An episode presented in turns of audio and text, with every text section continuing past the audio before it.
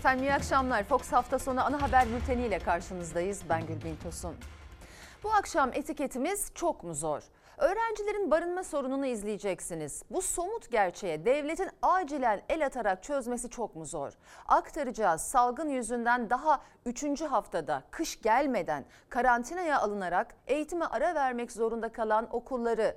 Uzmanlar yapılacakları bir bir anlatıyor. Çok mu zor bilim insanlarını dikkate almak?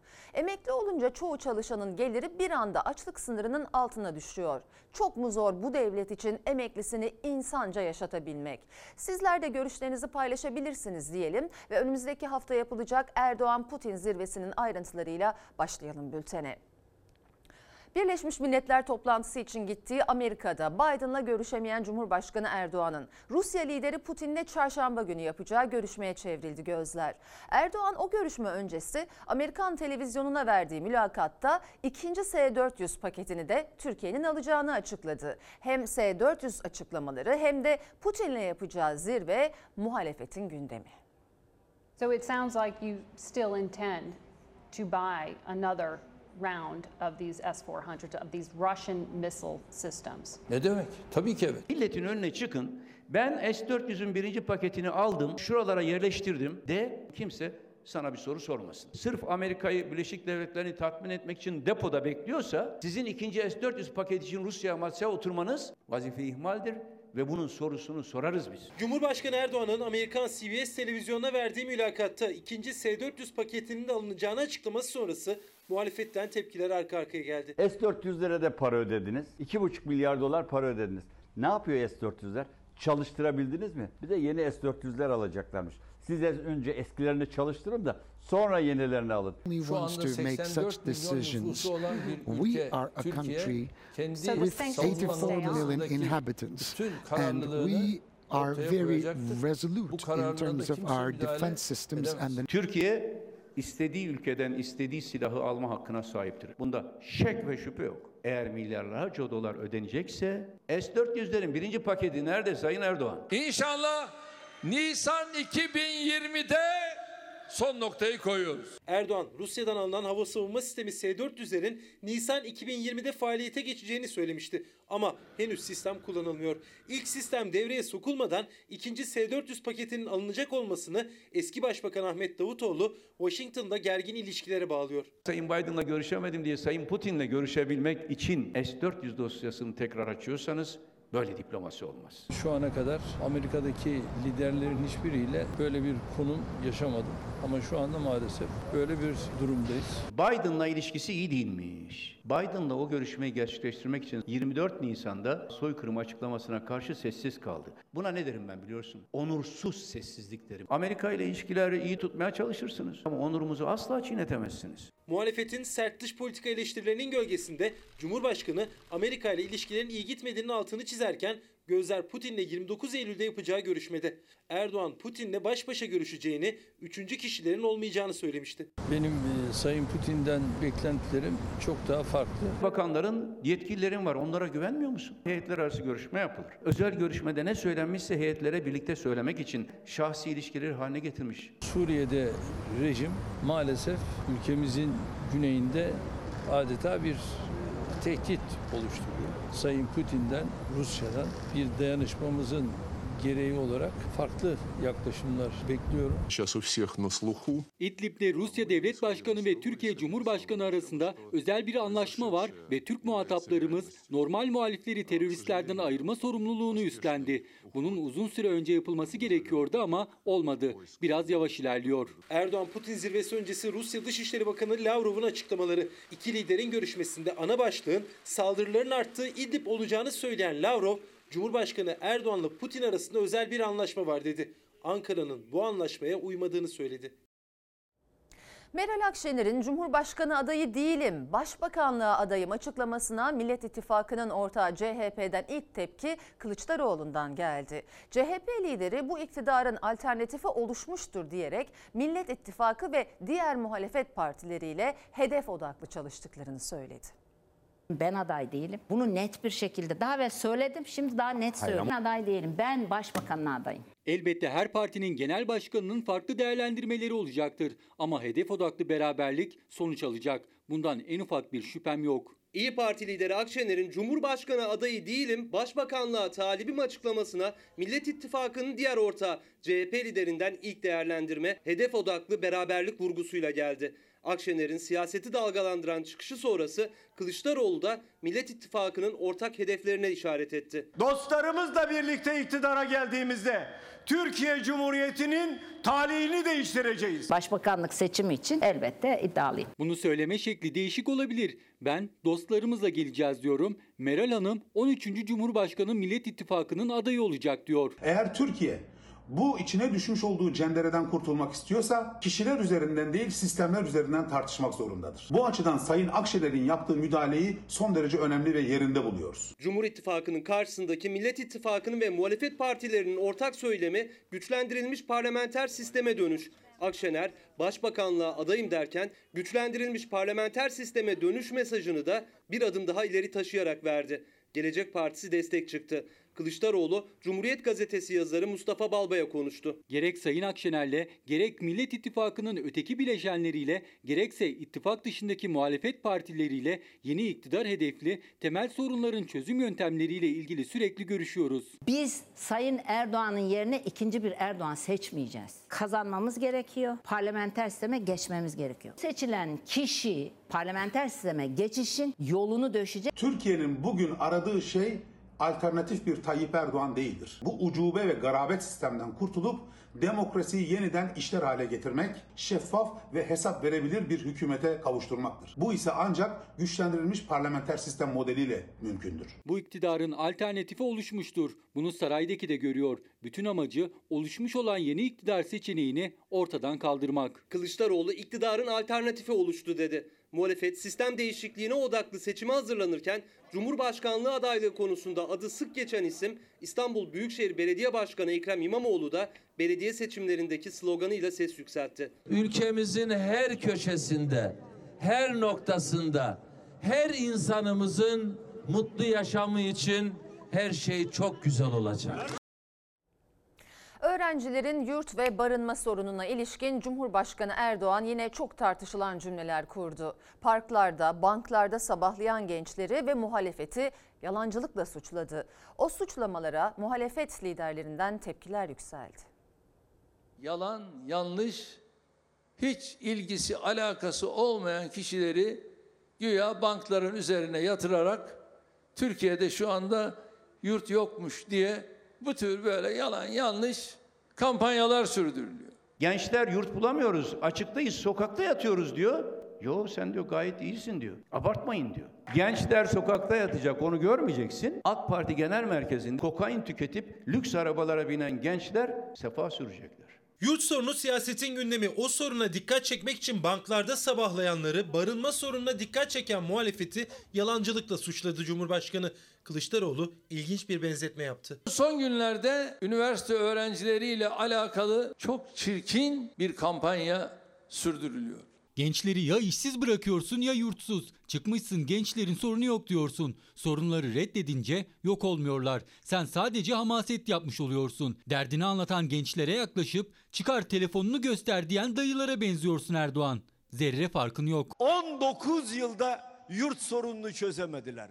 19 yılda. İktidara geldiğimizden bu yana yurt kapasitelerini hiçbir dönemde olmadığı kadarıyla tırmandıran neredeyse 1 milyona yakın yurt kapasitesine sahip olan bir iktidarız. Benim sadece sizlere değil, bu ülkenin halkına sözüm var. Değil 19 yıl. Bir yılda Türkiye'de yurt sorununu çözeceğim. Bir yılda. AK Partili belediyeler olarak biz seferberlik ilan ettik. Önümüzdeki günlerde hangi öğrencimiz ihtiyaç sahibi ise belediyelerimize müracaat edebilirler. AK Parti Genel Başkan Yardımcısı Mehmet Özaseki de barınma sorunu olduğunu kabul etmişti. Cumhurbaşkanı Erdoğan'a göre ise böyle bir sorun yok. Yurtlar yeterli. Bizim yurtlarımız ortada ve bütün bu yurtlarla birlikte kapasite ortada ve bu yurtlarımızda iki bilemedin üç kişilik kapasiteyle biz öğrencilerimizi ağırlıyoruz. Gençlere üniversite eğitimi sürecinde destek veremeyen bir iktidar eleştirilere karşı defans yapmak yerine utanç duymalıdır. Yalan söylüyorsunuz. Hayatınız yalan. 27 yaşında bir genç AK Parti Genel Merkezi'nden lüks bir hayat sürerken eğer vatanın evlatları yolda, sokakta yurt bulamadan kalıyorlarsa sizi götürecek olan budur. Bir yanda yurtlarda yer bulamayan, yüksek kiralar nedeniyle barınma sorunu yaşayan öğrenciler, diğer yanda Cumhurbaşkanı Erdoğan'ın yalan söylüyorsunuz çıkışı ve muhalefetin yanıtı. Yurt sorunu tartışılmaya devam ediyor. Siyasilerin de gündemi olsa da kuşkusuz yurt sorunu gerçeğinin asıl muhatabı üniversite öğrencileri. İstanbul ve Eskişehir'de eylemlerle seslerini duyurmaya çalıştılar. Pazar günlerini ise yine kalacak bir yer aramaya ayırdılar ama bulamadılar.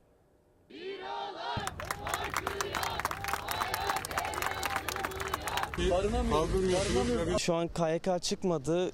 Kalacak pek bir yer de bulamadık. Ev kiraları çok yüksek. E, yurtlar hem dolmuş hem onların fiyatları daha da yüksek. Üniversiteyi kazanıp bir hayaller uğruna geliniyor. Üniversiteyi kazandı ama sonrasını göremiyor şu an. Ben üniversite sınavını zor sanıyordum. Kazandıktan sonra daha zormuş. Şu an kalacak yerim yok yani. Yurda başvurdum, yurt çıkmadı. Hayatlarının en zor sınavını geçtiler, daha zoruyla karşılaştılar. Üniversite öğrencileri kalacak yer bulamıyor. Yurt sorunu hala çözülebilmiş değil. Bu telefonu kullanıyorum. Online derse gireceğim, giremiyorum.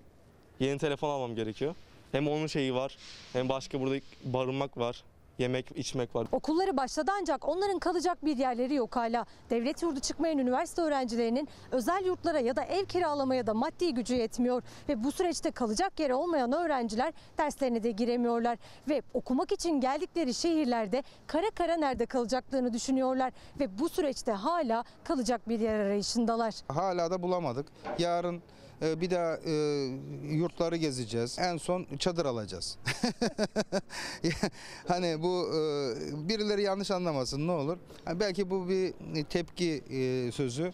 Ama gerçekten yani bu çocuklar ne yapsın? Bu yurt sorunu yok diyenin ya çocuğu yok üniversitede okuyan ya da şöyle alo benim çocuk oraya geliyor yurdunu hazırlayın diyebilecek kapasitede insan diğer bunu. Ben 20 yaşındayım. Çalışıp okumaya çalışıyorum. Benim babam emekli olmaya çalışıyor ama ben okuduğum için olamıyor. İstanbul'da da Eskişehir'de de eylemdeydi üniversiteliler. Bir gün önce salgın gerekçesiyle polis engeliyle karşılaşmıştı Eskişehirli öğrenciler. Bu kez 4 metre arayla banklarda geçirdiler gecelerini. Ben çıkar diye düşünüyordum. Babam sadece memur ailemizin tek geliri ama çıkmadı. Yedeklerde de bayağı bir gerideyim. 6 binlerde. Özel yurtlar çok pahalı. Hem yemek vermiyorlar. Fiyatları aşırı yüksek. Yani babam sadece asker, annem de ev hanımı. E sadece memur maaşıyla onlar, onlar da nasıl geçinsinler? Eşim çalışıyor, ben çalışıyorum. Ben hatta iki işte birden çalışıyorum. Bugün bir kiralık ev sorduk. 6 bin liradan falan bahsettiler öğrenciye. Bu fiyatlar böyleyse biz e, insanlar ne yapacak bilemiyorum. Öğrenciler ailelerini, anne babalar çocuklarının geleceğini düşünüyor. Diğer masraflar bir yana henüz yurt sorununu bile çözememek, hayallerini geride bırakmayı bile düşündürüyor gençlere. Üniversite zaten hasretimdi. E, ve benim İstanbul Üniversitesi'nde bir hayalim. Yani şu an benim okulum başladı ve şu an kalacak yerim yok yani. Hepimizin morali çok bozuk. Bütün İstanbul'u baştan sona kadar gezdik. Akşam otelde kalacağız. Kalacak yer adam şu an çok belli olmadığı için biz salı günü dönmeyi düşünüyoruz Samsun'a. Asıl sorun efendim aslında her geçen gün fakirleşiyor olmamız. Türk lirasının değer kaybı, dolayısıyla fahiş biçimde artan kiralar. Tabii işin şu yönü de var. Sadece İstanbul'da 13 devlet üniversitesi ve 40'tan fazla vakıf üniversitesi var. Bu üniversitelerin çoğu ne yazık ki tabela üniversitesi. Bakıyorsunuz bir bina, hiçbir tesisi yok, bahçesi bile yok. Üstünde tabelada üniversite yazıyor sadece ama akademik kadro yetersiz ve işte öğrencilerinin barınma ihtiyacına bile cevap veremiyor bu vakıflara yurt kurma zorunluluğu getirebilirdi. Son yıllarda iktidara yakınlığıyla bilinen vakıflar yurtlar açtı. Ama bir öğrenci okuyabilmek için belli bir siyasi görüş ya da inanca sahip olmak zorunda olabilir mi?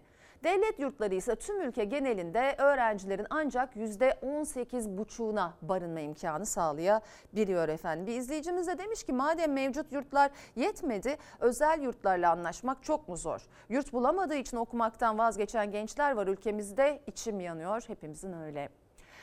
Sayın seyirciler tezgahlardaki raflarda Fiyat artışına karşı Cumhurbaşkanı'nın 5 zincir market sorumlu çıkışına muhalefetin tepkisi dinmek bilmiyor.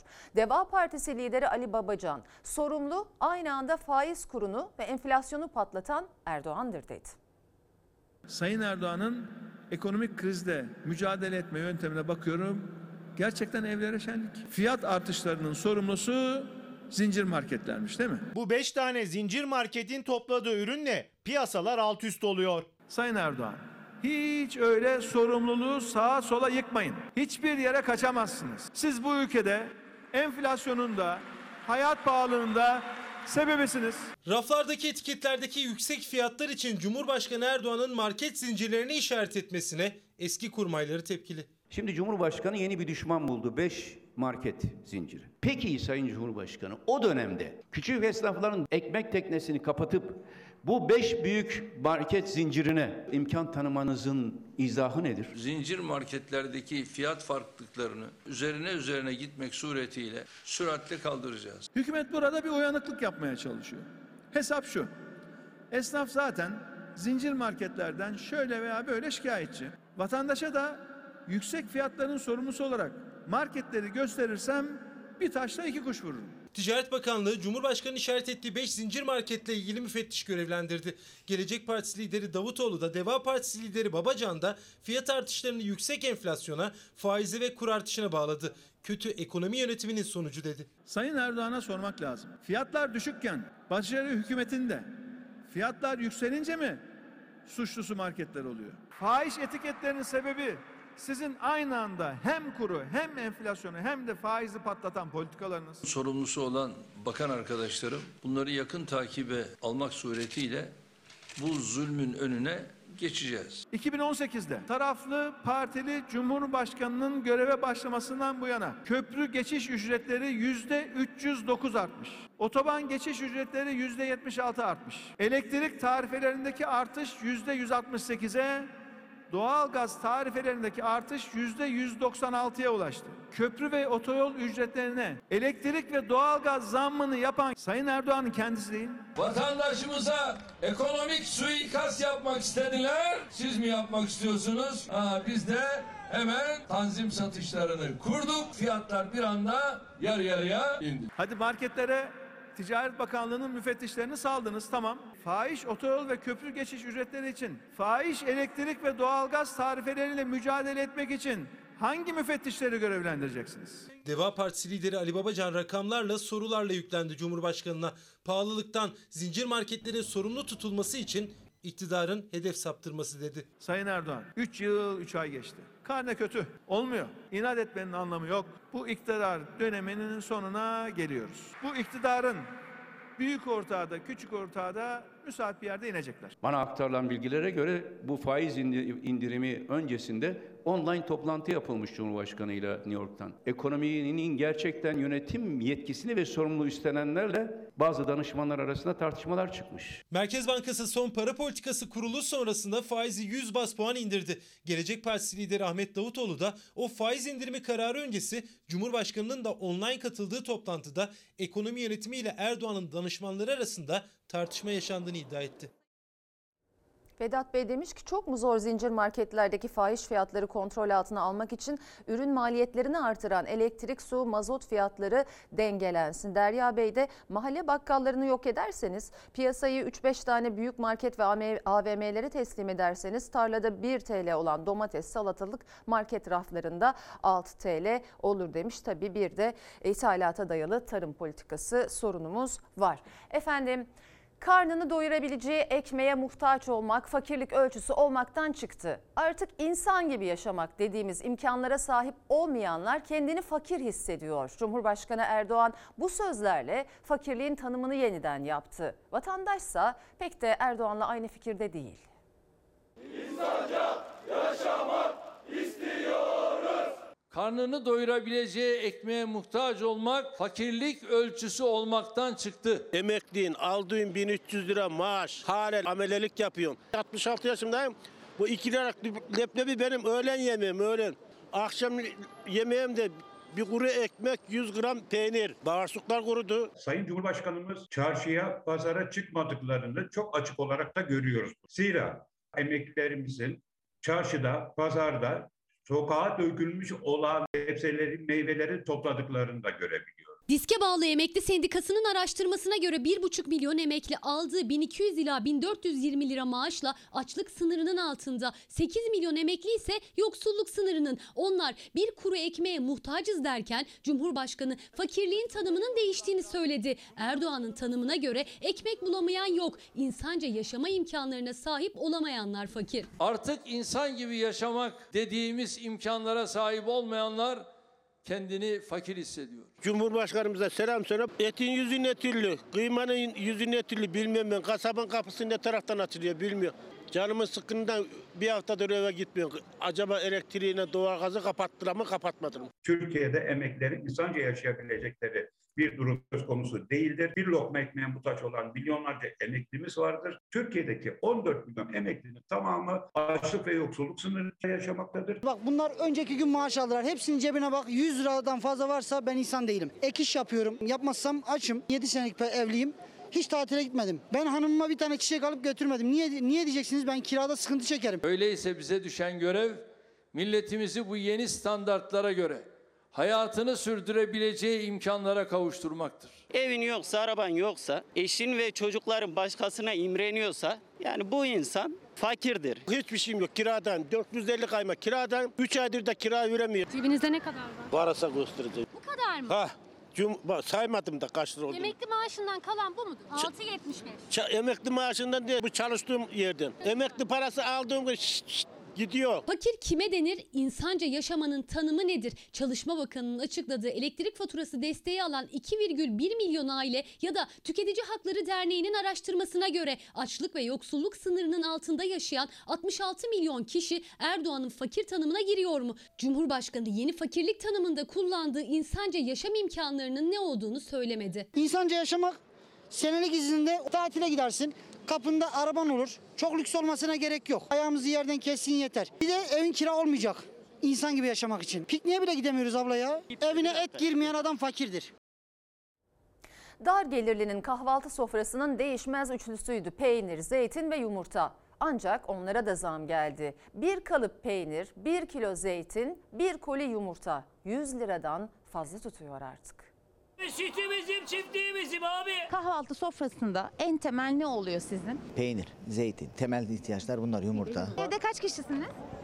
Biz üç kişiyiz. Üç kişi. Kahvaltıda ne yiyorsunuz? Peynir, ekmek ne ya da zeytin ya da başka bir şey alamayız. Nasıl fiyatlar? Fiyatlar el yakıyor. El yakıyor. Ha, pahalı. Dar gelirli için kahvaltı sofrasının olmazsa olmazı peynir, zeytin ve yumurta. Hepsi de zamlı. Kilo kilo peynir alan var mı? Yok. Yok mümkün değil. Yani yarım kilo ve yarım kilodan az. Önceki yılın Ağustos'a göre kıyaslarsanız? %70, %80. 32 lira o peynirin kilosu. Mesela 48 liraydı geçen sene 32. Bu kaşar geçen sene Ağustos ayında, Eylül aylarında 30 liraydı şimdi 60 lira. Satıcıya göre geçen yıla oranla %50'den aşağıda zam yok. TÜİK'e göre ise beyaz peynirin fiyatındaki artış sadece %7. Burası İstanbul Eminönü ucuz gıda bulunabilecek en önemli adreslerden biri burası. Burada bile TÜİK'in gösterdiği 32 liralık peyniri bulmak mümkün değil. En ucuz peynirin kilosu 44 lira. 32 liraya peynir var mı? 32 liraya var. 30 lira bizde aynı peynirler. Onlar kültürlü. Onlar süt tozunda yapılan peynir. Normal inekte sağlam, natürel, klasik dediğimiz sütler değildi. Onlar süt tozu. Çin'den, Avrupa ülkelerinden donmuş. Aynı zamanda peynir üreticisi de olan Erdal Yusufoğlu'na göre 32 liraya gerçek bir peynir yemek mümkün değil. 3 liraya alıyor süt litresini. E, 11 kilo sütü kaynattığın zaman maliyet belli oluyor. 11 kilo sütten 1 kilo kaşar yapıyorlar. 8 litre sütten 1 kilo beyaz peynir yapılır. 45 lira çıkıyor maliyeti. Nakliyesiyle bunu şunu oradan buraya gelmesine bindiği zaman 45 lira bize 48 lira satılıyor şu anda o peynir. Zeytinde durum nasıl? Bu sene fiyatlarına baktığı zaman ortalama hele 8 ile 10 arası değişti. Mesela yeşillere 6-7 lira geldi. Siyahlara 10 lira 9 lira geldi. 11 lira geldi. O aralar oynandı. En ucuz peynir hangisiyse onu almaya çalışıyoruz yavrum. Yumurta zaten aldı başını gidiyor. Yetiştiremiyoruz. Bir emekli maaşı yok. Yetişmiyor. Yumurta fiyatlarındaki artışa ise TÜİK bile kayıtsız kalamadı. TÜİK'e göre bir yılda %49 zamlandı yumurta. 20 tane yumurta alsan zaten 3-4 günde gidiyor. Yani yumurta yeniyor. Zaten en çok da tüketilen yumurta oluyor bu devirde. Çünkü diğerlerini zaten alamıyorsun. Bir kahvaltı sofrasının en temel 3 ürünü peynir, zeytin ve yumurta. Bu bir kalıp peynir yaklaşık 700 gram, 1 kilo zeytin ve 1 kolide yumurta var. İçinde 20 tane var. İşte bunların toplam tutarı 113 lira ediyor ve 4 kişilik bir ailenin bir haftalık kahvaltısı bile değil bu. Biraz daha iyisini biraz daha fazla alsan asgari ücretin yarısı herhalde oraya gider. Geri geliyor onlar bile olmuyor. Dayan domatese, domatesi bile yaptılar 6 milyon, 7 milyon kilosu. Nerede ucuz yavrum, hani nerede ucuz? Parası olan alıyor, olmayan ne yapıyor? Yok. Asgari ücretle çalışana da aynı emekli aylığı bağlanıyor. 4500 lira maaşla çalışana da. Artık yeni emeklilerin çoğu 1500 lira maaş alıyor. Asgari ücretle çalışanın maaşı da 1500 liraya tamamlanıyor. Bugün 4000 lira, 4500 lira yani net 3500 lira maaş alan kişinin de yine emekli olduğunda alacağı emekli maaşı yine 1500 lira olmuş oluyor. Çalışanla emekli arasında fark olmuyordu. Adam diyordu ki kardeşim emekli olsam bile diyordu aynı maaşı alacağım. Tekrar çalışmama lüzum yok diyordu. Artık öyle değil. Emekli olunca çoğu çalışanın geliri açlık sınırının altına düşüyor bir anda. Yani emeklilerin büyük bir bölümüne 1500 liranın altında maaş bağlanıyor. O maaş 1500 liraya tamamlanıyor. Haliyle asgari ücretlinin de daha fazla maaşla çalışanın da emekli aylığı aynı oluyor. Emekli olmadan önce çalışıyordum. Ne kadar maaş alıyordunuz emekli olmadan? Asgari ücret. Nasıl gidiyor emekli? Az yani. Asgari ücretle geçinebiliyor muydu? Ya zor kanat. Asgari ücretle zor geçiniyordu Ayşe Aybar emekli oldu geliri yarıya indi. Şimdi geçinebilmek için yeniden iş arıyor. Çünkü emekli aylığını kiraya verince geriye neredeyse para kalmıyor. Ne kadar kira? 1200. Şu anda iş görüşmesinden geliyorum. Ülkemizde emeklilere verilen aylık bir emekli maaşı denecek bir aylık değil. Sanki küçük bir devlet katkısı veriliyor ve emekliler bu aylıklarla çalışmak zorunda oluyorlar. Yani çalışırken alınan maaşın bir önemi kalmıyor. Emekli olurken aylık bağlama oranı etkili oluyor. Elde var 1500 lira. Çalışırken alınan en düşük maaşın bile çok çok altında. Ve geçim krizine giren emeklinin tek şansı eğer iş bulabilirse çalışmak. Kiradayım. Üç tane çocuk okutuyorum. Sosyal yardıma başvurdum. Emekli olduğum için vermediler. Şu anda iş arıyorum, iş yok. 2008'de düşürülen aylık bağlama oranı nedeniyle her geçen gün çalışanların alacağı emekli maaşı eriyor. Yıldan yıla azaldı. Çoğu emekli artık 1500 lira emekli maaşı alıyor. Çalıştığım maaş aşağı emekli maaşından fazlalıydım. 100 lirayı bozduruyorsa o anda bitiyor. Gerçekler bunlar, gülme. Ay başı geri sıfır elde sıfır. Pazara çıkmıyoruz, markete az gidiyoruz. Yarı aç, yarı tok. Öyle geçiniyoruz. Bugün kıvırcık 9 lira, 10 lira. Bir kıvırcık ya. Bu et tavuk yok. Taze fasulye 16 lira. 1 Ocak 1 Temmuz'da emekliye zam verildiğinde 1500 liraya tamamlanan kişilerin de maaşları ortalama 3-4 yıl 1500 lira olmaya devam ediyor. 900 lira maaş bağlanan bir arkadaşım vardı SGK'dan. Hala 1500 alıyor. 4 sene önce. Bir 4 sene daha böyle gidecek. Yani 10 sene hiç zam almamış olacak. 1500 liranın altında maaş alanlar yıllarca zam görmüyor. 50 lira 100 lira zam gelse de 1500 lirayı geçemediği için kağıt üstünde kalıyor. Düşük maaş nedeniyle emekli olan çalışıyor, çalışan da emekli olmak istemiyor. Heyecanlı mısınız emekli olacağınız? Henüz olmadım, doldurdum ama olacağım ileriki yıllarda. 7 yıl önce hak etmiştim. Niye devam ettiniz? Emekli olduğumda maaşım düşüyor. %40 civarında bir düşme oluyor. Ve koronavirüs salgını son tabloda vaka sayıları hala 26 binlerde seyrediyor. Sağlık Bakanı Koca hedefin vaka sayılarını 19 binlere düşürmek olduğunu açıkladı. Oysa bahar aylarında normalleşmeye geçebilmek için hedef 5 bindi. Kısmi kapanmayla tam kapanma arasında bu farkı çok açık net gördük. Şimdi hedef her şeyden önce 5000'e inmek. Vaka sayısı 19 bin. Sizce 20 binin altında günlük vaka sayısı bu toplum için ulaşılması güç bir hedef mi? Mayıs ayında normalleşmeden önce hedefi 5000 vaka olarak açıklamıştı Cumhurbaşkanı Erdoğan. Aradan aylar geçti. Sağlık Bakanı 4 ayın sonunda yeni bir hedef belirledi. Vaka sayılarını 19 bine düşürmek için tedbir ve aşı çağrısında bulundu. Vaka sayısını kısa sürede kritik eşik olan 20 binin altına indirebiliriz. Sonucunu iyi bildiğimiz tedbirler ve aşı bize yeter. Acaba bu e, Sayın Bakan'ın açıklamış olduğu hedefleri insanlar ne kadar dikkate ve ne kadar ciddiye alıyor? Eğer bu öneriler dikkate alınsa bugün biz vaka sayılarının zaten azaldığını görürüz. Uzmanlara göre hedefler toplumda karşılık bulmuyor. Aşılama ise istenilen seviyeye hala ulaşamadı. Nüfusun henüz %52'si çift doz aşısını tamamladı. Sağlık Bakanlığı'nın tablosunda ise hala 18 yaş üstünün oranına yer veriliyor. Daha çok alacak yolumuz var. Bizim aşılanma oranlarını verirken de tüm yaşları içerecek şekilde vermemiz lazım. Diğer ülkeler tüm nüfusa göre açıklıyor bağışıklık oranını. Türkiye ise henüz bu haritada tek doz aşıdan çift doz aşıyı göstermeye yeni geçti. Harita maviydi, çift doz aşılama gösterilmeye başlanınca kırmızılar sarılar ortaya çıktı. 193 vefat ve 26.145 vakanın duyurulduğu bu tabloyu açıklarken Sağlık Bakanı da aşılamanın yavaşladığına dikkat çekti. Bugün renksiz bir gün. Kategori değiştiren ilimiz yok. İkinci doz aşılarla haftaya COVID-19 risk haritamızı iyileştirelim. Artık ikinci yıla doğru girecekken Covid-19'da Türkiye olarak kontrolü sağlayamadığımızı gösteriyor. Aşılama oranı yüksek değilse salgını kontrol altına almak da mümkün olmuyor. Hollanda'da çift doz aşılama %64'te. Sosyal mesafe kuralı kaldırıldı. Norveç'te ise %68'e ulaşıldı. Toplumsal bağışıklığın sağlandığı duyuruldu.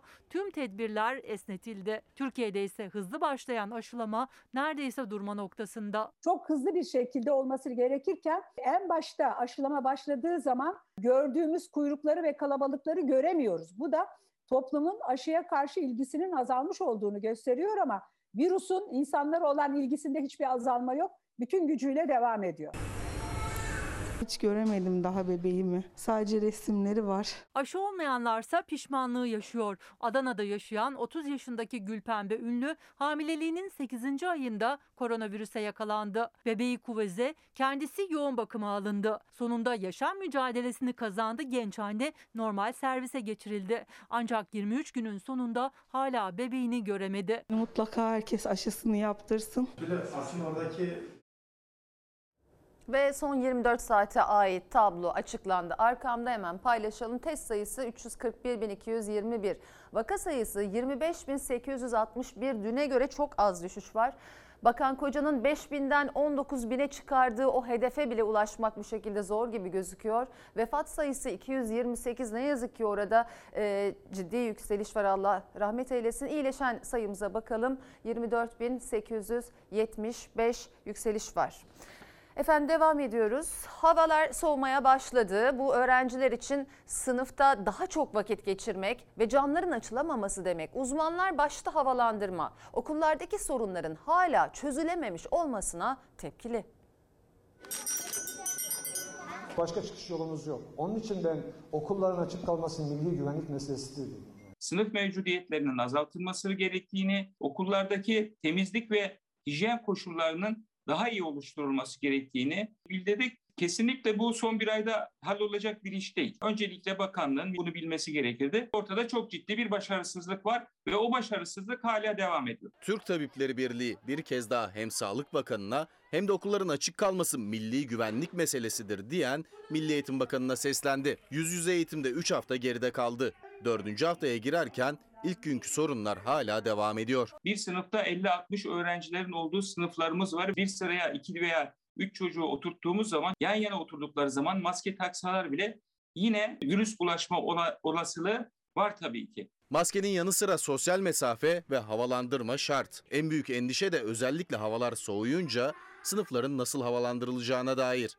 Çünkü bu haftadan itibaren sıcaklıklar düşüyor. Okullarda ve sınıflarda havalandırma sorunu çözülmüş değil. Önümüzde kış havalar soğuyacak. Delta varyantı kapalı alanları çok daha fazla seviyor. Bulaş oranı ve hızı oldukça yüksek ve çok daha fazla bir artış bekliyoruz. Sen Covid'lisin şey dışarıda geziyorsun ama. Sana Temastasın. Sana okul demiş ki git evinden dur demiş. Sen sokakta geziyorsun. Kırıkkale'de sınıfı karantinaya alınan bir öğrenci sokakta denetim ekiplerine yakalandı. Kentin en işlek caddesinde alışverişe çıkan 10 yaşındaki öğrencinin ailesine 4050 lira ceza kesildi. Bundan sonra çıkma. Okul yönetimi aileleri e, uyarmalı. Bu konunun ciddiyetini anlatmalı ve çocuklar eğer karantinadaysa o karantina süresine tam bir karantina olarak uygulanmasının gerektiğini söylemeleri. Öğrencilerin bir bölümü karantinada olması gerekirken dışarıda. Birden fazla öğrencide koronavirüs tespit edildiği için uzaktan eğitime geçen sınıfların sayısı ise günden güne artıyor. Türkiye Değişim Partisi ilk kurultayını gerçekleştirdi. Kurultayda yeniden genel başkanlığa seçilen Mustafa Sarıgül ekonomiye dair vaatlerini sıraladı. Sarıgül 5T formülüyle Türkiye ayağa kalkacak dedi.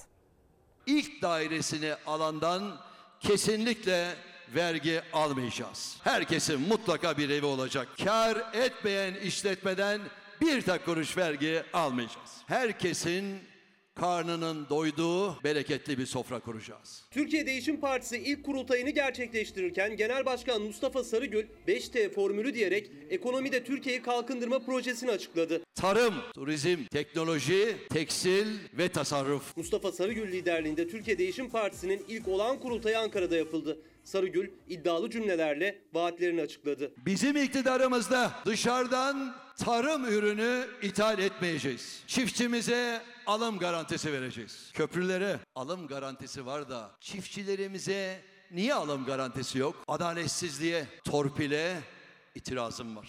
Bir kişinin Türkiye Cumhuriyeti'ni tek başına yönetmesine itirazım var. Mülakatları kaldırmak, davaların en fazla bir yıl sürmesi. Engelliler, deprem ve doğal afetler için ayrı bakanlıklar kurulması da vaatleri içinde. Öğrencilerin yurt problemini çözen de biz olacağız dedi. Öğrencilerimiz var. Bazıları konuşuyor. Şişli öğrenci yurduna baksınlar. Orayı nasıl yaptıysak birçok boş oteller var. Öğrencilerimizi oralara yerleştirirsiniz. Bunları biz yapacağız. Bizi asla ve asla susturamazlar.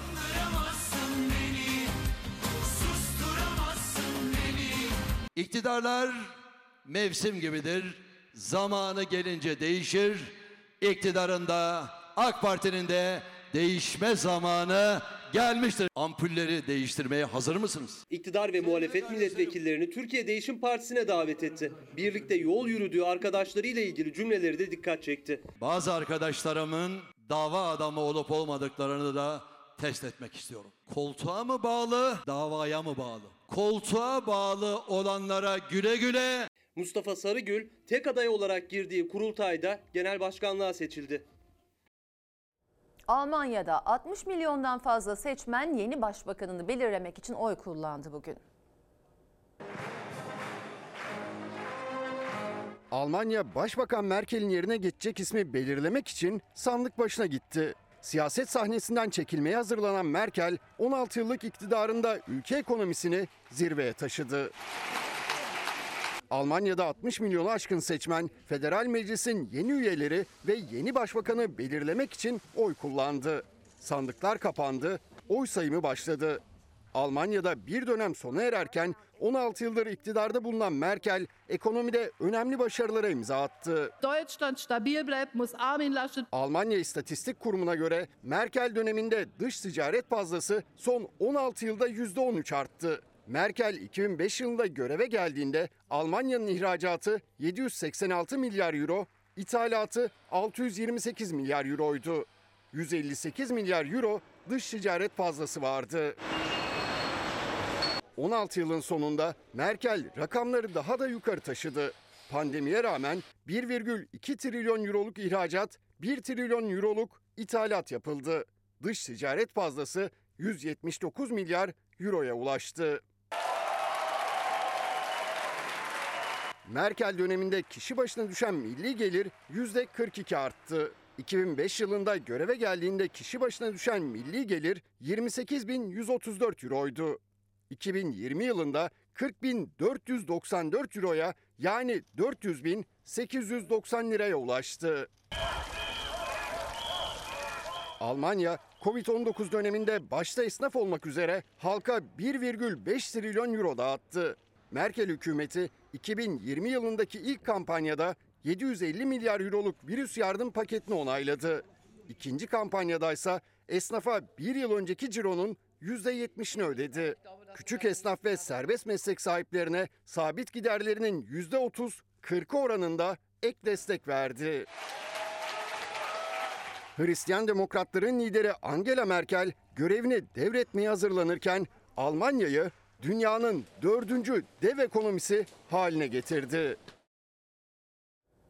Sadece bu anlattıklarımız değil bir kadın olarak hayran olması özelliği de mütevazı yaşam tarzı. Dile kolay 16 yıl Avrupa ve dünya politikasına da yön veriyor. Öyle bir güce sahip kadın olarak lüks ve şatafattan uzak duruyor. Normal sıradan insanlar gibi giyinip sıradan bir evde oturup ev işlerini kendisi yapıyor.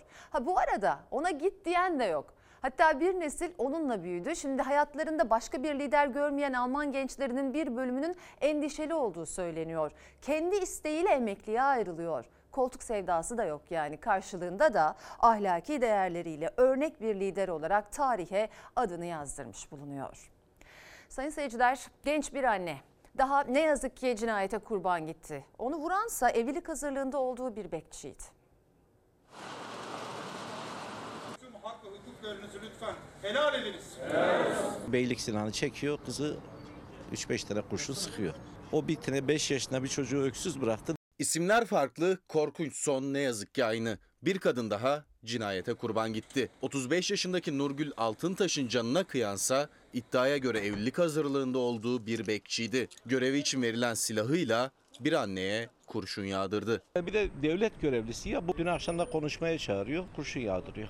5 yaşında bir çocuğu vardı Nurgül Altıntaş'ın. İddiaya göre evlilik hazırlığındaydı. Birlikte olduğu bekçi araç kiraladı, Altıntaş'ı parka götürdü. Yani benim güvenliğimi korumakta mükellef olan bunu nasıl yapabiliyor? Evlilik hazırlıklarına da istemez, ayrılabilir, şudur budur ama yani böyle bir şey olamaz. Gazi Osman Paşa İlçe Emniyet Müdürlüğü'nde görevli bekçi beylik silahıyla Nurgül Altıntaş'a 3 el ateş etti. Genç kadın hayatını kaybetti. Bir yerde bu kadın cinayetlerini işleyenlerin kesinlikle hak ettikleri cezayı alması lazım. Bekçi gözaltına alındı. Genç kadınsa gözyaşlarıyla son yolculuğuna uğurlandı. Geride 5 yaşındaki çocuğu kaldı. Yine bir kadın cinayeti. Bu adamlar bu ülkede o kadar rahat ki şöyle düşünüyorlar yatarım 5-6 yıl iyi halden de çıkarım diye. Bu arada unutmayın 2020 yılında Muğla'da feci şekilde katledilen Pınar Gültekin'in katil zanlısı son duruşmada İstanbul Sözleşmesi'nin iptali iyi oldu demişti. Ve yarın Pınar Gültekin'in 6. için 6. duruşma var. Hep birlikte kadına karşı şiddeti ve kadın cinayetlerini önlemekte çok önemli bir anlaşma olan İstanbul Sözleşmesi yaşatır diye haykırmayı unutmayalım. Ve efendim bültenin sonunda Teknofest'in muhteşem son gününe götürüyoruz sizi. Mustafa Kemal'in askerleri, Türk Yıldızları. Kaç yaşındasınız? Ben mi? 71. Meraklı mısınız havacılığa? Nasıl? Çok çok hepsine istiyorum ki içine gireyim gezeyim. Çok güzel uçaklar. Uçağa binince ne hissettin? O duygularını anlatır mısın? Uçağa binince sanki havada uçuyormuşum gibi hissettim. Çok güzeldi. Çok heyecanlıydım zaten gelecekken. Dün bile uyuyamadım. Genci yaşlısı her yaştan havacılık ve teknoloji sevdalısı Teknofest'te buluştu. Festivalin son günü havada güzel olunca ilgi yoğundu festivale. Türk Hava Kuvvetleri'nin göz bebeği Türk Yıldızları muhteşem bir gösteriye imza atıp ayakta alkışlandı. Usta pilotlar gökyüzüne ay yıldız çizdi. Bilecik'ten geliyoruz bu arada. Kızım özellikle istedi. Arkadaşlarıyla beraber onu getirdik. Festivalin son günü pazar günü olunca özellikle çocuklu aileler etkinlik alanı olan Atatürk Havalimanı'na akın etti. Çocuklarımız istediği için geldik. Ayrıca biz de çok meraklısıyız. Uçakların her şeyi çok güzel çünkü. Son gün çok kalabalık ama gerçekten çok eğlenceli ki gelmişiz. Bu askeri uçağın adı Herkül 1970 model Kıbrıs Barış Harekatı'ndan Afganistan'a kadar birçok önemli görevde yer aldı ve hala kullanılıyor. Normalde bu uçağa binmesi sivillerin pek mümkün değil ama festivale gelenler uzun bir kuyruğu bekledikten sonra uçağa girip uçağı gezip fotoğraf çektirebiliyorlar. Ben isterim çocuğum pilot olmasını. İster misin? Çok isterim. Uçağa binince ne hissettin? Böyle içimden bir yük kaldı. Sınır içi ve dışında birçok başarılı operasyona imza atan yerli insansız hava araçlarını da görme fırsatı buldu katılımcılar. Onlardan biri de Türkiye'nin havadaki yeni gücü Akıncı TİHA'ydı. Halka açık ilk gösteri uçuşunu bu yıl Teknofest'te gerçekleştiren ve yeni envantere giren Akıncı TİHA festivalde çok büyük ilgi görüyor. Bayraktar iki olsun. Çocuklarımız hayran kaldılar. Hava gösterileri başlayınca bir anda ilgi o noktaya yöneliyor. Festivale katılanlar alkışlarla gösteri ekibine destek veriyor. Güzel mi uçaklar? Güzel. Okulca geldik ve çok güzel, çok heyecanlandık gelirken. Özellikle çocuklar Teknofest'te unutamayacakları bir gün geçirdi. Sen pilot mu olacaksın büyüyünce? Evet. Gerçi şimdi de olmuşsun bir uçağın var. Evet. Ve çiziyoruz gökyüzüne. Türkiye için kocaman kalbimizi. Araya gidiyoruz. Efendim Fox hafta sonu ana haber bültenini burada noktalıyoruz. Fox'ta yayın dizimiz Uzak Şehrin Masalıyla yeni bölümüyle devam edecek. İyi bir akşam geçirmenizi diliyoruz. Hoşçakalın. Her köşesi cennetin ezilir yerler için bir başkadır benim memleketim.